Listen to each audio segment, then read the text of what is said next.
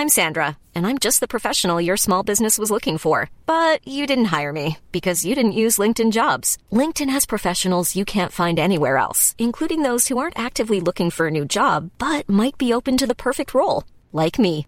In a given month, over 70% of LinkedIn users don't visit other leading job sites. So if you're not looking on LinkedIn, you'll miss out on great candidates like Sandra. Start hiring professionals like a professional. Post your free job on linkedin.com/people today.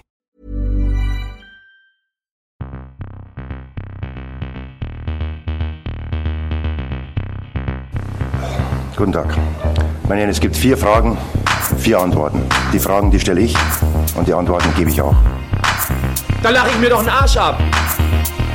An Stefan Effenberg kann man nicht zerbrechen. Ja. War das klar und deutlich?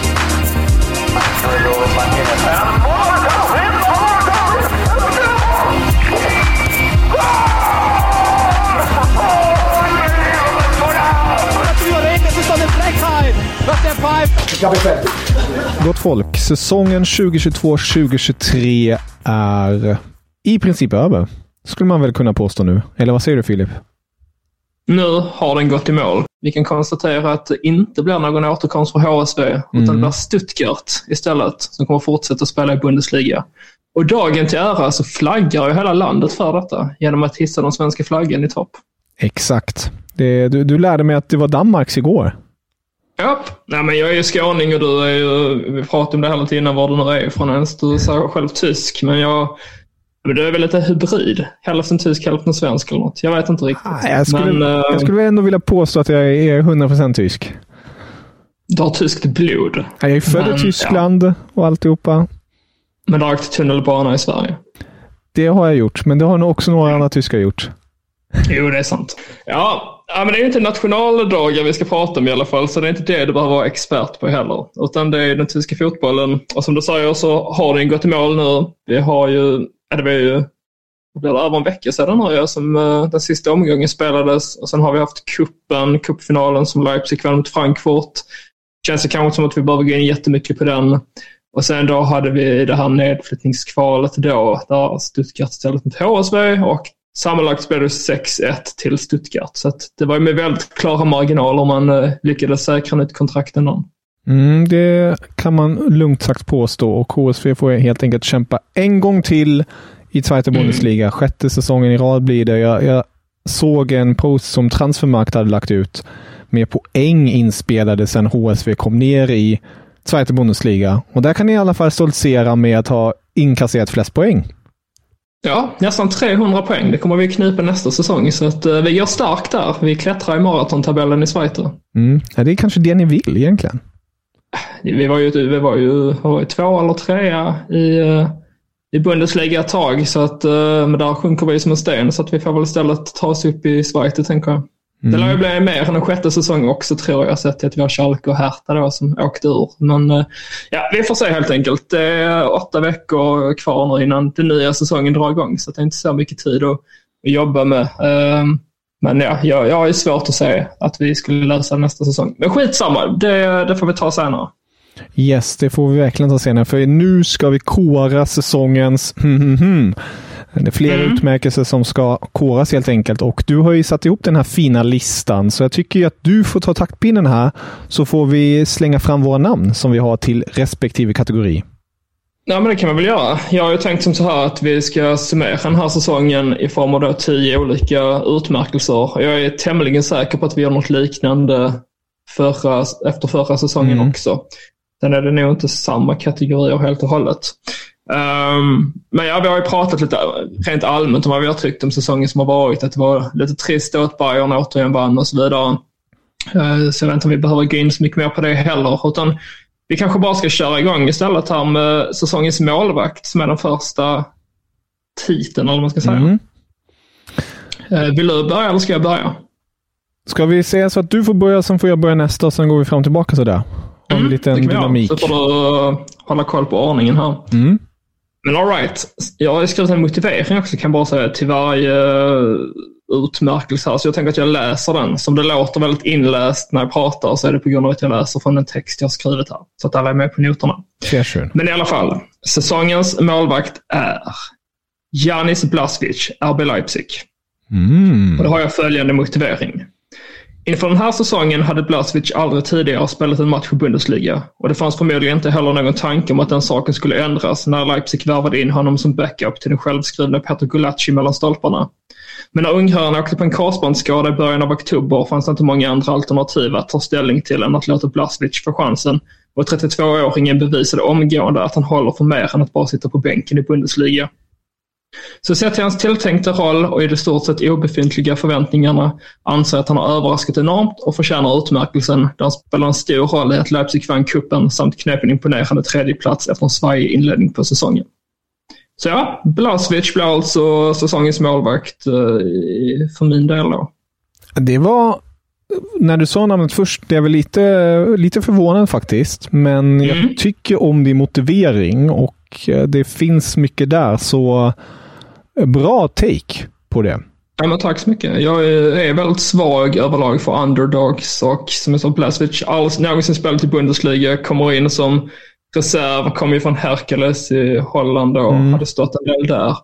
Men att komma in och göra det så pass bra som han har gjort och han har verkligen varit en stor del i det här Leipzig som då har klättrat i tabellen och, och det slutar ju då till slut med titel och hade ju till och med kunnat bli en ligatitel om man bara hade varit lite bättre där under hösten. Så att det har varit en väldigt stark säsong för både hans del och, och Leipzig sett till då den, eh, den svajiga starten. Verkligen. Och eh, otippat var det ju också. Att, Mm. att han skulle ta det Mm. Eh, Hos mig stod det mellan två kandidater. En dansk faktiskt. Åh, som, det, som det inte blev. Eh, det blev inte Fredrik Renov, eh, Union Berlins målvakt. Jag kan bara flika in att det var ju min reserv här till Blasevic. Så att då har vi båda honom som reserv helt enkelt. Ja, han, är, han får sitta på bänken helt enkelt. Istället tar jag in en nederländare. Det, det känns lite konstigt som tysk, men det är Mark Flecken som jag vill eh, lyfta, som jag tycker har gjort det jäkligt bra i, i Freiburg och lyft dem flertalets gånger. Och han har ju fått en belöning utav det hela i slutändan, nämligen ett kontrakt med Brentford. Han har ju gått dit där hans kära före detta kollega Kevin Schade också är. Så uh, tråkigt för ligan, men uh, grattis till Fläcken till säkert en fin, ett fint kontrakt och jag tycker att han förtjänar att pratas om i denna kategori efter den här säsongen. Definitivt. Vi kan också säga att Freiburg har haft lite av en, eh, sin grej att ta fram bra målvakter också. Så att han är ju bara en av många som har kommit den vägen. Men det, det har varit en imponerande säsong och jag unnar honom flytten till Premier League där han troligtvis tjänar ganska mycket mer än han gjorde i Freiburg. Mm, det lär han verkligen ha gjort. Och nu när vi kommer till försvarare är det ju jäkligt lurigt, för det finns ju så många försvarare. Mm. Och jag tänkte fram och tillbaka. Ehm, men det går ju inte att undgå honom tycker jag. Samtidigt som man kanske inte ens ser honom som, försvarare längre. Men det är hur Frimpong har sprungit upp och ner på den här högerkanten för Bayer Leverkusen, speciellt under Xabi Alonsos tid. Och gjort det med sån bravur så att han förmodligen kommer gå till en annan stor klubb inom närmaste framtiden. Och tyvärr även han lämnar Bundesliga. Så Frimpong tar jag ut som årets försvarare. Det köper jag också. Han uh, känns som att han har haft en jäkla kometkarriär. Alltså, nu snackas det ju om de allra största klubbarna som är intresserade av honom. Så att det blir väl kanske svårt där för Leverkusen att tacka nej så att man kan kassera in ganska mycket pengar. Och Frimpong själv vill ju säkert vidare också. Så att man kan väl även unna honom en flytt till, till ett lag där han tjänar mer pengar i alla fall. Mm. Säsongens försvarare för min del är Mattias Ginter, Freiburg. Och det har ju följande motivering. Mm. Jag har alltid varit svag för spelare med ett stort hjärta för sin moderklubb och det är precis som man kan säga att Ginter har. Försvararen valde trots andra lukrativa erbjudanden att återvända hem till Freiburg åtta år efter att han senast representerade föreningen och har inte haft några bekymmer som helst. Har inte haft några som helst bekymmer, förlåt. Nu gick jag händelsen i förväg. Att leva upp till de enorma förväntningarna som vilade på hans axlar. Den här säsongen spelade han 90 minuter i samtliga matcher och drog endast på sig tre ynka gula kort. Vilket är väldigt talande för vilken smart och skicklig försvarare han är. Om jag hade varit Freiburg-supporter hade det inte varit något snack om vems namn som jag hade haft tryckt på ryggen av tröjan. Så ja, för Ginter alltså som årets försvarare i mitt lag. Fin motivering och eh, fin spelare också. Eh, Det är ju. Tydligt här också att Freiburg har haft en väldigt framgångsrik säsong när vi båda redan har slängt upp två Freiburg-namn i det hela. Mm. Och samtidigt som då Schlotterbeck och Süle kanske inte har varit allt för stabila i Dortmund så känns det som att Ginter kan få en större roll i det tyska landslaget här framöver också. Mm.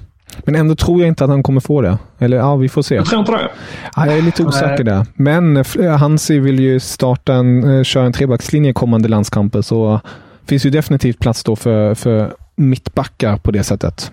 Får se om det han har ju stor erfarenhet av att vi ser ute på högerkanten också, mm. så jag mm. känner att han har varit en perfekt lösning ute till höger, den trebackslinjen.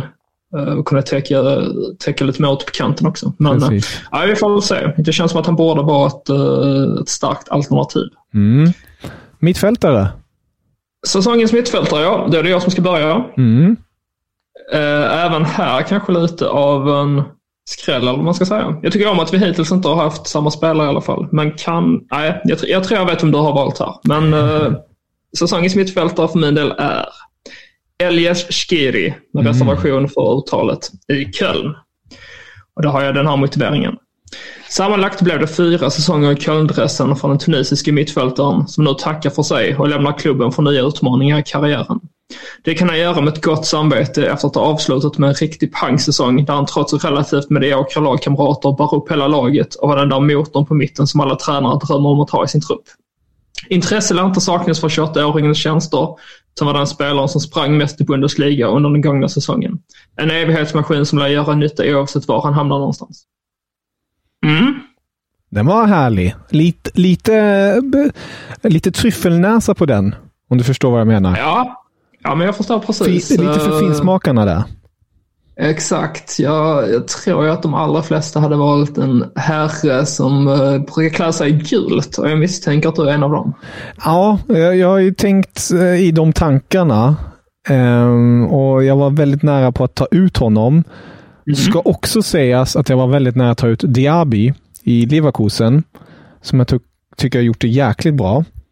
Det får man säga. Men för att ah, jag var lite fram och tillbaka. Bellingham tycker jag, han, han gjorde en sämre vår. Han hade en otrolig höst. Eh, verkligen. Men en sämre vår. Och eh, jag vill på något sätt eh, ta något an en, en, annan spelare då som också hade en lite sämre vår, men på något vis satt pricken över i när allt sen skulle avgöras. Och då tar jag väl Musiala. Oh. Och lägger in det där. För att jag tycker... För att jag kan förstå att det är tråkigt, stor talang redan, alla pratar om honom redan. Men att komma in i Bayern München, göra ett sånt avtryck som man har gjort den här säsongen, med den pressen på axlarna att alla snackar om, aha, det är han som ska ersätta eller komma efter Thomas Müller nu och ta över den taktpinnen. Att ändå leverera på det sättet på planen och eh, på så lång sikt och sen avgöra med det där läckra målet som man gjorde sen mot Köln. Det är eh, wow. Man har ju sett flera spelare. Den senaste i mängden är ju en sån som Marcel Sabitzer, kapten i ett Bundesliga-lag. Man tänker sig wow, vilken spelare kommer till Bayern och det ska sägas, och vi har sagt det så många gånger tidigare, att komma till Bayern München, komma till Sebener Straße, det är en annan värld än de andra klubbarna i Bundesliga. Och då en ung kille som Musiala att kunna redan i den åldern axla allt det och leverera på den mm. nivån, så tycker jag att han, han förtjänar den utmärkelsen. Ja, alltså det sjuka är att han klev in i denna säsongen som 19 år gammal. Nu har han hunnit mm. bli 20 då.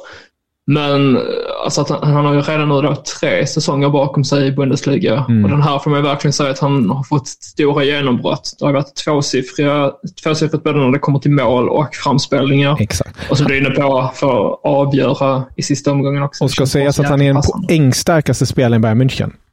Mm. det, är ju, ja.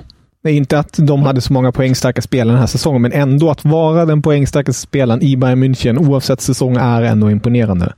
Så han, han får titeln hos mig. Men om vi går över till anfallare. Yes. Så var det väldigt lurigt. Finns ett par kandidater där. Men eh, jag går på... Jag hade tre givna kandidater, men jag går på den ena. Och självklart, jag måste gå på någon. Eh, väldigt smart sagt, Kevin. Det blir fransmannen Nkunku som lämnar eh, Bundesliga nu, även han som avslutar med att skjuta ännu en titel till RB Leipzig. och hade han varit skadefri hela säsongen så hade det blivit ett tremanna-race i Bundesliga. Då tror jag verkligen att Leipzig hade eh, gjort livet väldigt surt för både Dortmund och Bayern. Det tror jag du har rätt i. Det slutar ju bara med fem poängs uh, skillnad där mellan mm. Leipzig och Bayern och Dortmund som då hamnar på samma poäng. Så att med en konkurs från början i form så hade man nog uh, kunnat knipa den där ligatiteln. Det är fan helt övertygad om. Mm. Um, nu ska vi se, en konkurs han slutar väl på 16 fullträffar om jag inte missminner ja, mig. Lika många som Fyllkrok. Precis, och då kanske du kan gissa vem jag har som säsongens anfallare. Sebastian Andersson. det hade varit någonting. Noll minuter, men uh, man får ändå ge honom att han har en jäkla vinnarskalle i alla fall, Sebastian Andersson. Verkligen. Men nej, det är Niklas Füllkrog då som tar plats som säsongens anfallare. Och motiveringen till det lyder som sådan att anfallaren har genom årens gång Eh, dragits med stora skadebekymmer och har således haft svårt att hävda sig då han missat stora delar av de gångna säsongerna. Därför kom det inte som någon överraskning att han inför fjolårets säsong följde med Werder Bremen ner i andra ligan. Efter en torftig start på säsongen med noll mål på de tio inledande matcherna exploderade han från ingenstans och fullkomligt vräkte in mål, vilket gjorde att Bremen kunde återvända tillbaka till Bundesliga efter bara en säsong i Schweiz. Väl tillbaka i den tyska fotbollens finrum och fortsatte till fullkrog där han slutade i andra ligan det vill säga att han spottade in mål på löpande band. Tack vare sin målsuccé belönades han med en plats som joker i den tyska VM-truppen, där han föga förvånande nätade två gånger om. Den här säsongen blev det sammanlagt 16 mål i Bundesliga, vilket räckte till en delad första plats i skytteligan. Samt uh, har han så här långt noterats för sex mål på sex landskamper. Om han spelar kvar i Werder Bremen även nästa säsong återstår att se. För trots att han hunnit bli 30 år gammal är intresset för hans tjänster stora. Påminner en hel del om Sandro Wagners framfart för några år sedan. Mm. mm. Det var Sandro Wagner och Niklas Füllkrog. Fin liknelse där. Ja, ja men uh, Wagner kom ju också, eh, eller blommade ju väldigt sent får man säga i sin karriär. Och sen hamnade han i Bayern München och gjorde det bra där. Sen stack han en sväng till Kina och tjänade storkovan. Så att vi får väl se om uh, går samma väg till mötes. Att han kanske går till en större klubb nu i sommar i Tyskland och blir lite bänkspelare där. Och sen går han till typ Saudiarabiska ligan och kammar hem guldet innan han kommer tillbaka igen. han känns dock inte som en sån spelare lite, Niklas. Nej, det är svårt att veta. Alltså, mm. Nu är han ju på toppen av sin karriär. Han är 30 bast. Han har väl kanske då fyra, fem bra år kvar i karriären på sin höjd. Så att det gäller väl att passa på lite om han vill få ut max av den, tänker jag. Både när det kommer till framgångar och uh, pengamässigt. Mm. Vem har du som tränare, kompis? Säsongens tränare? Ja, för min del tror jag kanske att vi har valt samma faktiskt. För i mina ögon så finns det bara en som förtjänar det här priset på riktigt. Och det är Urs Fischer i Union Berlin. Och jag motiverar min utmärkelse med följande text. Union Berlin fortsätter att skörda framgångar och ska nu för första gången i klubbens historia spela i Champions League. Hur detta är möjligt är svårt att svara på där det egentligen inte ska vara det. Men saker och ting har helt enkelt fallit på plats och detta mycket, mycket tack vare tränaren Urs Fischer som är mannen bakom huvudstadsklubbens bravader. 11, 7, 5 och nu 4 i tabellen. Är det nästa säsong som schweizaren leder sitt lag till klubbens första titel? Just nu känns det inte som någon omöjlighet. Check. Check. Skriver, skriver under på det 100 procent. Helt rätt. Yes. Det är, ja, det är svårt och, och, alltså det finns ju många, jag vet inte om det finns många Jag tycker Xabi Alonso kunde diskuteras i det här med tanke mm. på hans impact på Leverkusen som var nedfly, på nedflyttningsplats och sen slogs de ändå om Europa eh, och till och med CL där på slutet. Um, jag tycker Streich som vanligt, vad han har gjort med Freiburg, att han fortsätter kontinuerligt jobba på det, men Nej, OS Fischers insats i, i Union är uh, helt otrolig. Att de ska spela Champions League nästa säsong. Jag tror inte ens de själva har fattat det ännu.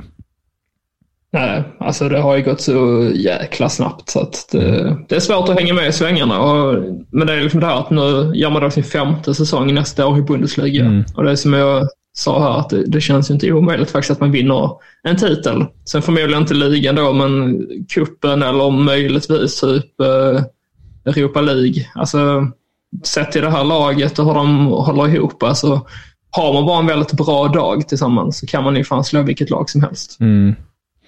Ja, men om vi går till säsongens nyförvärv. Yes. Så är det en spelare som eh, jag tänkte på när jag skulle utse säsongens anfallare. Men jag tänkte mm. han passar lika bra i säsongens nyförvärv för att han kom gratis till Eintracht Frankfurt och nu snackas det om att han ska säljas för över 100 miljoner euro. Och det är självfallet Kolo Moani som eh, får den här utmärkelsen efter hans riktigt fina insatser i Eintracht. Har varit lite svajigt under våren, men vad han stod för, speciellt under hösten och vad han också har gjort för impact på, på ligan i stort och hur många storklubbar som är ute efter den sortens spelare och hans kvaliteter säger ju en hel del. Så först och främst eh, eloge till Marcus Kröscher som lyckas väva om till Eintracht på free transfer. Det, ja, det är sanslöst. Och, och nu vad han står inför. Så ja, cool mani. Och precis som du skrev under på säsongens tränare så skriver jag under på det här. För jag har också valt Randall Kolomoani som eh, säsongens bästa nyförvärv. Och jag tycker du fick med det väldigt bra där. Det, det är framförallt den här scoutingen som jag mm. imponeras väldigt mycket av. Att man hämtar in honom gratis. Han gör sån braksuccé. Är med och spelar eh, VM-final för Frankrike. Och sen nu då kan han säljas för abnorm, en abnorm summa. Liksom. Så att, ja, det, är, det är verkligen hatten av till Frankfurt där och Colomoni som har levererat från första början. Oh, ja. det är väl mycket som talar för att han inte spelar kvar i Frankfurt nästa säsong i alla fall. Mm. Om vi går till säsongs utropstecken. Ska vi hoppa över säsongens sämsta nu förvärv? Nej, det tycker jag inte. Det har du fullständigt rätt i. Vem, vem är egentligen säsongens sämsta? För där tror jag att vi kommer skriva under.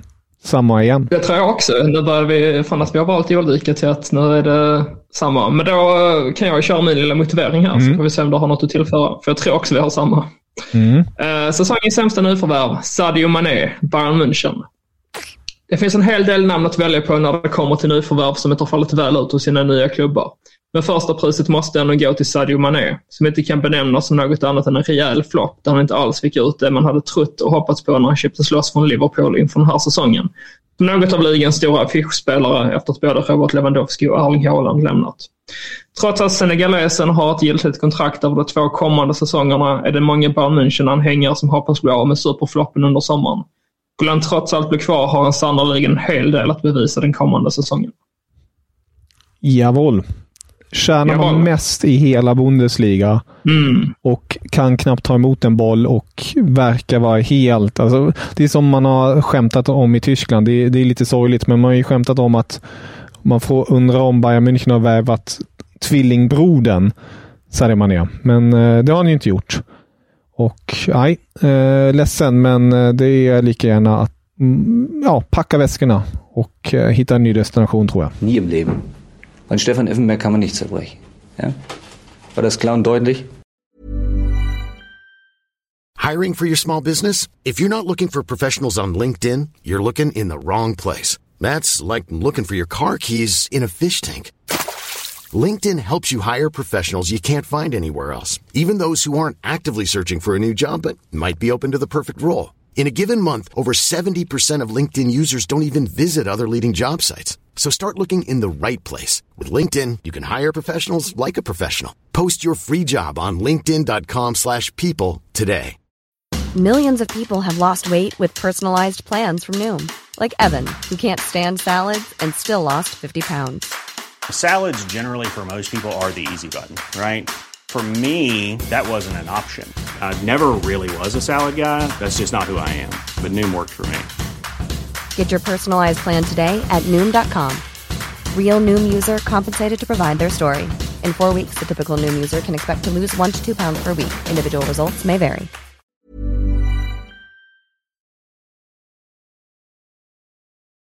Och vem hittar vi på säsongens utropstecken då? Ska jag eller du ta den? Nu tappar jag ordningen här. Ja, det, det är jag nu som ska ta den. Och ja, den har varit på. lite lurig, för att jag, du skrev ju de här fina kategorierna. Och så mm. jag vet inte, utropstecken, det är ju Ja, jag, jag har tänkt lite fram och tillbaka där hur jag ska, hur jag ska tyda det, men utropstecken... Jag har... gillar när man kan välja lite brett där. Mm. För jag är till exempel ingen spelare eller tränare eller någonting sånt här med, utan jag har ju en, eh, ja, jag vet inte att man ska kalla för en händelse, men det är det väl på sätt och vis. Men ja, skitsamma. Ja, kul. Det är intressant att höra. Jag har tagit, och utropstecken har jag då tagit, eh, Xabi Alonsos impact på Bayer Leverkusen hela, hela det paketet, vad det har inneburit och även att han nu har sagt att han ska stanna kvar i Leverkusen och bygga vidare på någonting så ser jag på Leverkusen på ett sätt som eh, en form av, inte titelutmanare, för det, det, det kommer ingen vara just nu, men ett lag som kanske nu äntligen kan slåss om de där Champions League-platserna på ett ordentligt sätt. Så eh, jag skulle vilja peka ut Alonsos resa med eh, Leverkusen. Ja, och jag har skrivit så här, säsongens utropstecken. Bayer Leverkusens klättring i tabellen. Så att vi har samma där också.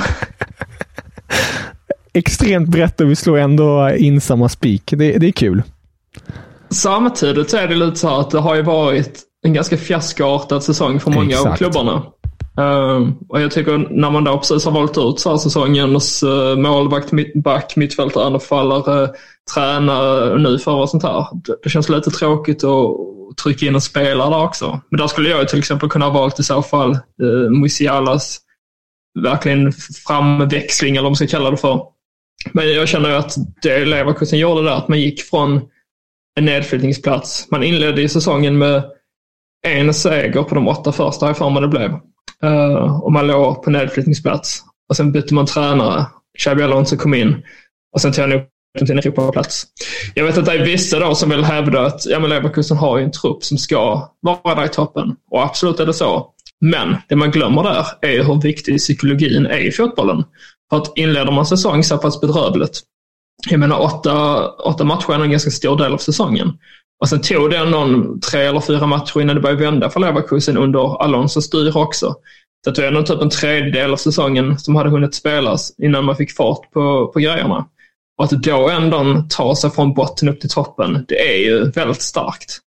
Sen skulle jag väl säga att det där vinteruppehållet under VM som var extra långt nu, det sa jag redan då, kom ihåg att det har ju hjälpt, eller kommer ju hjälpa Leverkusen. Och det gjorde det också, för att då lyckades man ändå svetsa, svetsa till de här problemen och, och få ruljans på laget. Och sen när det väl var dags för vårsäsongen så, så var man ett helt annat lag. Och sen kunde klättringen påbörja på allvar.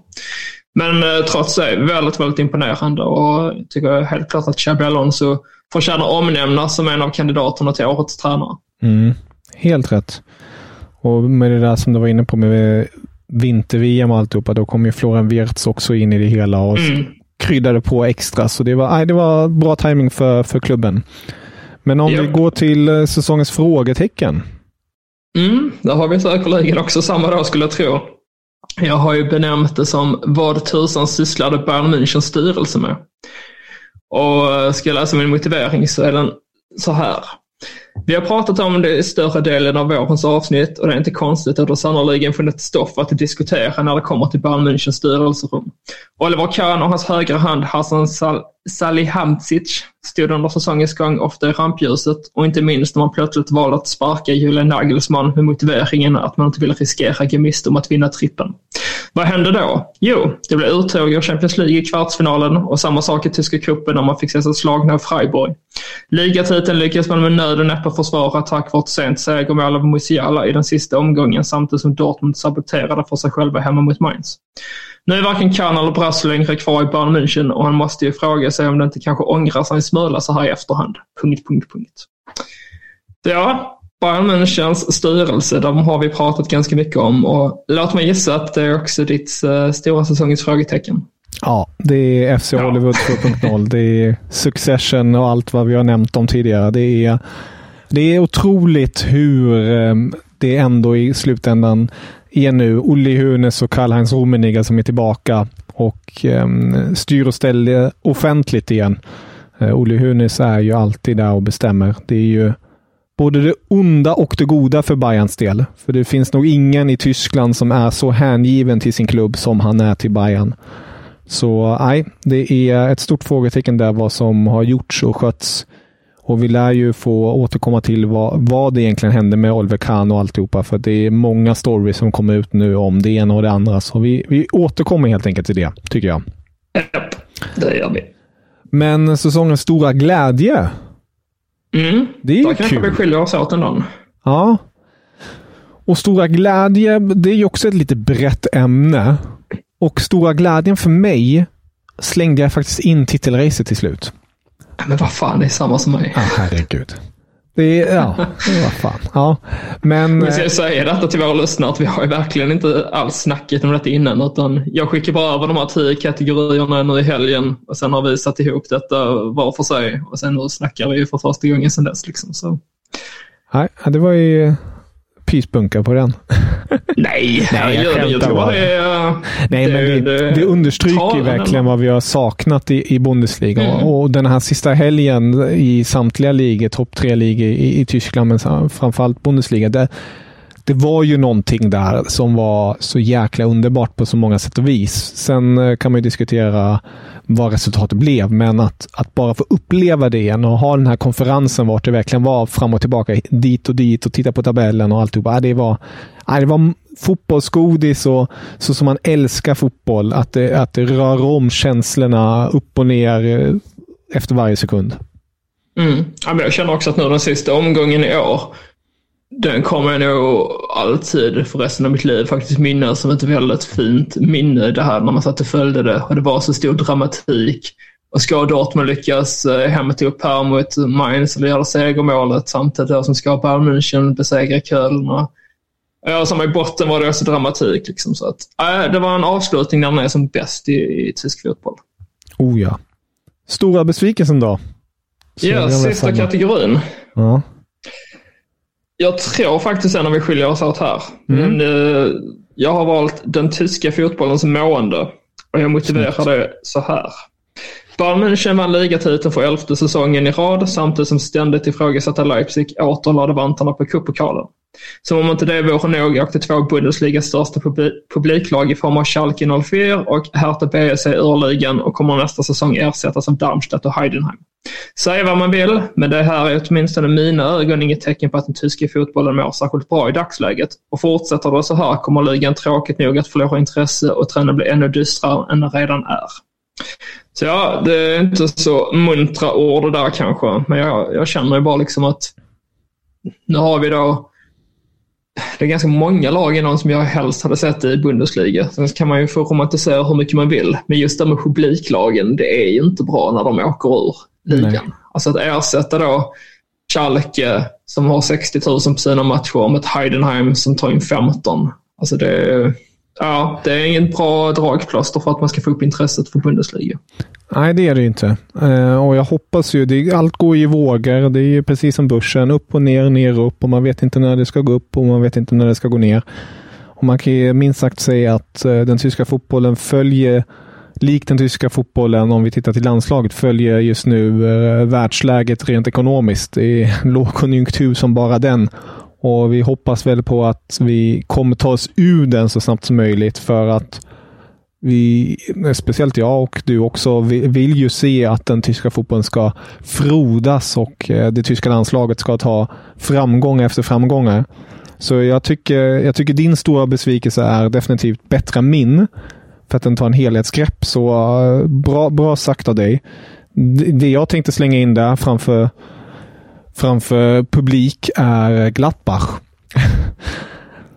för jag tycker att det är fascinerande. En av de mest populära klubbarna i Tyskland. Eh, hur de lyckas med det spelarmaterialet.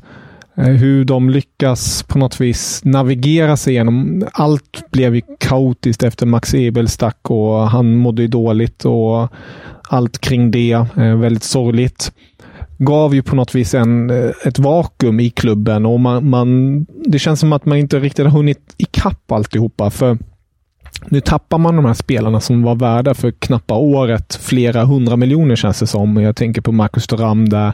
Jag tänker på en Plea som gjorde det jäkligt bra. Jag tänker på en Neuhaus som gjorde det riktigt bra. Det var flera nyckelspelare som flera toppklubbar ville ha har eh, inte alls kunnat leverera och har ju slutat med nu att man återigen är på en tionde plats och man kickar återigen en tränare. Så det är, det är jättesorgligt och man hoppas ju på att de kan ta sig ur den här mörka cirkeln. För annars kanske det är det nästa stora laget eller stora klubben ska man säga, som går samma väg till, eh, till like som, som HSV, Schalke och Hertha. Nu har de inte samma ekonomiska problem, men jag tänker rent sportsligt att man, man kanske åker ur. Men det, det får vi, nu drar jag lite förhastade slutsatser, men det är lite det jag tänker. Jag tänkte precis samma sak faktiskt. Då kollar man då i tabellen här nu, så, som sa att Gladbach kom ju då 10. Men har vi då Stuttgart som också är en storklubb då, 16 plats, klarar sig kvar via kval. Jag har Werder Bremen på 13 plats. De var ju nere i eh, Schweiz så sent som förra säsongen. Köln på 11 plats. De har också varit nere och vänt ett par gånger. Sen har vi då Mönchengladbach uh, och det var inte så, alltså, det är väl ändå tio år sedan nu ändå visserligen som man fick kvala sig kvar i Bundesliga. Men det känns ju inte som att trenden går på rätt håll och har inte gjort på ganska lång tid. Alltså, det var inte heller så många säsonger sedan då när Oscar Wendt var, var som bäst också, som han var ute i Europa, man spelade Champions League och i alla fall alltid i Europa League. Och sen nu känns det som att spela i Europa, det, det finns liksom inte ens på kartan utan nu handlar det mer om att överleva, göra en stabil säsong och slippa vara där nere i bottenträsket. Jag menar, Schalke, det var ju ingen heller som förutspådde för två säsonger sedan att de skulle åka ur. Utan jag tänkte att det var helt omöjligt att det skulle kunna hända. Och samma sak känner man lite kring Mönchengladbach, att nej men det, det där kommer lösa sig. Men alltså nu, jag vet inte tusan, när förlorar man ju också, man förlorar Jan Sommer här nu i vintras. Sen nu Turam kommer lämna, Playa kommer med största sannolikhet lämna och man kommer säkert vara tvungen att sälja några andra spelare också. För Stindel försvinner. Ja, exakt. Mm. Så att det är en väldigt dyster trend att se. Och Mönchengladbach i Schweiz, alltså nej, det, det rimmar inte heller bra. Så att vi får väl hoppas att de, eh, till skillnad då från Schalke, Hertha, HSV och några andra gäng eh, lyckas få ordning på sakerna innan det går så pass illa. Mm, det får vi verkligen göra. Och med de dystra orden så eh, avslutar vi det här avsnittet. Det kan vi göra. Jag sitter på lite statistik annars om du vill, om vi ska klämma in det också som ja. en slutkläm för, för att inte gå ut i moll utan istället i dur. Uh, för nu är ju säsongen i hamn och då har man ju alltid sammanställt de här, vem som gjorde flest mål, assist, uh, skott på mål och sånt här. Uh, så jag har bläddrat igenom detta och det som gläder mig av bara synen jämfört med tidigare säsonger, det är ju att annars brukar det vara Bayern München spelare som dominerar på alla sätt och vis. Mm. Men här är faktiskt inte en enda Bayern München-spelare som har varit bäst på någonting den här säsongen. Men ändå vinner de ligan. Ändå vinner de ligan, ja. Samtidigt är jag lite frågande för att det står till exempel att Musiala bara 10 assist. Men kollar man på transfermarkt så står det att han har 13. Vad ska de, man gå på det? De räknar med straffassist tror jag. Mm, på uh, transfermarkt? Yes. Okej, okay. ja, men det förklarar ju saken i så fall. Uh, men jag kan bara dra lite snabbt under lite siffror som mm, jag älskar gärna. och spelarna bakom. Uh, vi har sagt det, skytteligan, den tog ju Niklas Füllkrog tillsammans med Kristoffer Nkunku hem, 16 mål vardera. Flest assist, om man då ska gå på Bundesliga statistik, uh, det är ju Rafael Guerrero mm. i Dortmund som lämnar nu efter den här säsongen och eventuellt blir han ju kvar i ligan för det snackas ju om att Bayern München gärna vill ha in honom. Stämmer. Bakom honom så har vi då Kolomoani med 11, mål, eller 11 framspelningar och Musiala med 10. Flest skott på mål, kan du gissa vem som hade det? Flest skott på mål? Hmm. Den är svår. Den är väldigt lurig. Soboslaj. Det är Marvin Dutch. Ah. Eh, men tvåa där är faktiskt Marcus Thuram som vi nu pratar om som ska mm. lämna Gladbach då. Så att äh, även om han inte har öst in mål så har han i alla fall försökt. Flest stolpträffar det har Majs Bilter haft i Schalke. Han hade fem stycken. Mm. Lite talande också för deras säsong. Stolpe ut många gånger där. Uh, kan du gissa vem som har varit den snabbaste spelaren? Det är väl antingen Frimpong eller Diaby? Nej, ingen av dem. Vad fan. Becker? Det är Karim Adeyemi som tar en första ah, platsen där. just det. Strax bakom dock Becker i Union Berlin och sen på tredje plats Alfonso Davis uh, i Bayern München. Då. Det är ju ja, det är millisekunder som skiljer dem åt där. Men uh, så är det i alla fall. Sen självmål, det hade Benno Schmidt i Köln. Han gjorde två stycken. Lika mm. många som Marco Friedel i Werder Bremen gjorde. Flest straffar Eh, det är Vincenzo Griffo i Freiburg som eh, han har ju lagt åtta stycken och förvaltat sju av dem. Så det får man säga är väldigt starkt gjort ändå. Mm. Uh, bäst passningsprocent, det hade Nico Elvedi i Borussia Mönchengladbach. Men uh, det är alltid en försvarare som har det känns det som. Men det är lättast också att slå upp bollen som mittback. starta ett anfall. Uh, flest närkamper det hade Jude Bellingham, tätt följt av Jonas Hector i Köln och Philip Hoffman i Bochum. Sen är jag ju, ja, vi kan ju, jag vet inte hur intressant det är med flest uh, nickdueller och inlägg, men vi kan gå till uh, gula kort i alla fall. Mm. Uh, det hade Kouadio Kone i Mönchengladbach, 12 stycken kort tror jag han på sig. Eller gula kort där.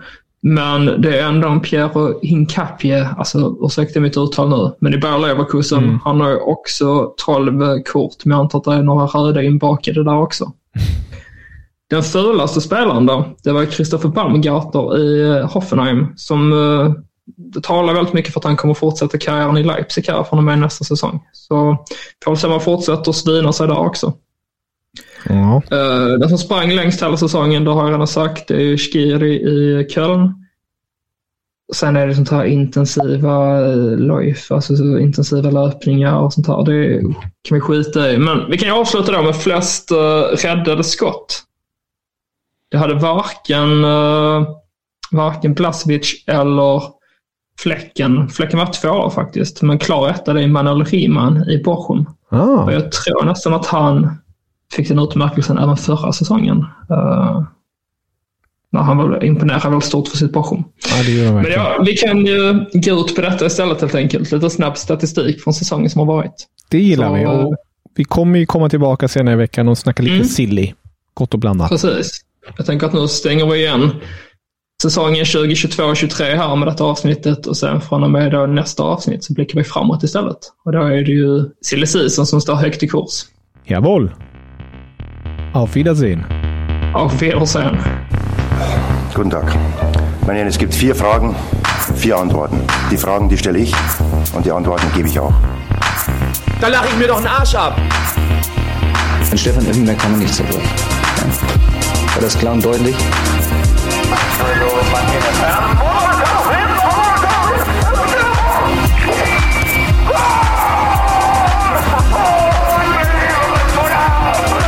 Das ist doch eine Frechheit. Was der pfeift. Ich habe fertig.